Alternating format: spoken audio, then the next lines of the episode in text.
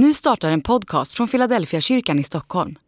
Om du vill komma i kontakt med oss, skriv gärna ett mejl till hejfiladelfiakyrkan.se. Dag 53. Öknen. Men ändå gav han vittnesbörd om att han finns genom allt gott som han gör. Apostlagärningarna kapitel 14 och vers 17.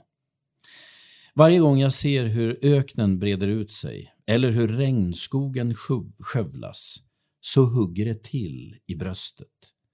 När jag ser hur de stora gruvbolagen gräver upp jorden i sin jakt på metaller i det vi kallar för dagbrott påminner det mig om djupa köttsår.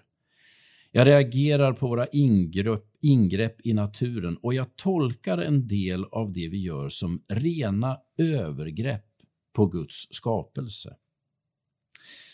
Låt mig på en gång säga att mina reaktioner är mer känslomässiga än intellektuella. Jag vet att många av de stora bolagen som sysslar med att utvinna jordens resurser också tar miljöansvar. Jag vet att jag själv och min egen konsumtion är en del av de stora hoten mot planetens långsiktiga överlevnad. Jag, jag är ingen miljöaktivist, trots att jag kanske borde vara det.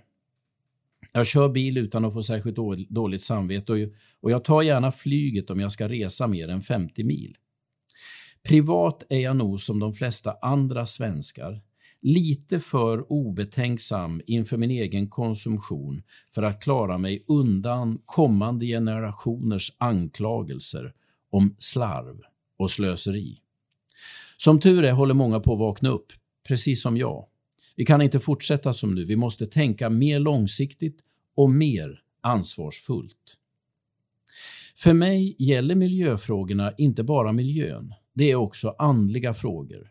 Min respekt inför skapelsen har inte bara ett, är inte bara ett ansvarstagande för kommande generationer. Den är ett gensvar på det Paulus skriver. Men ändå gav han vittnesbördet om att han finns genom allt gott som han gör. Apostlagärningarna kapitel 14 och vers 17. Det finns en gudomlig dimension i skapelsen som handlar om Guds godhet och Guds generositet.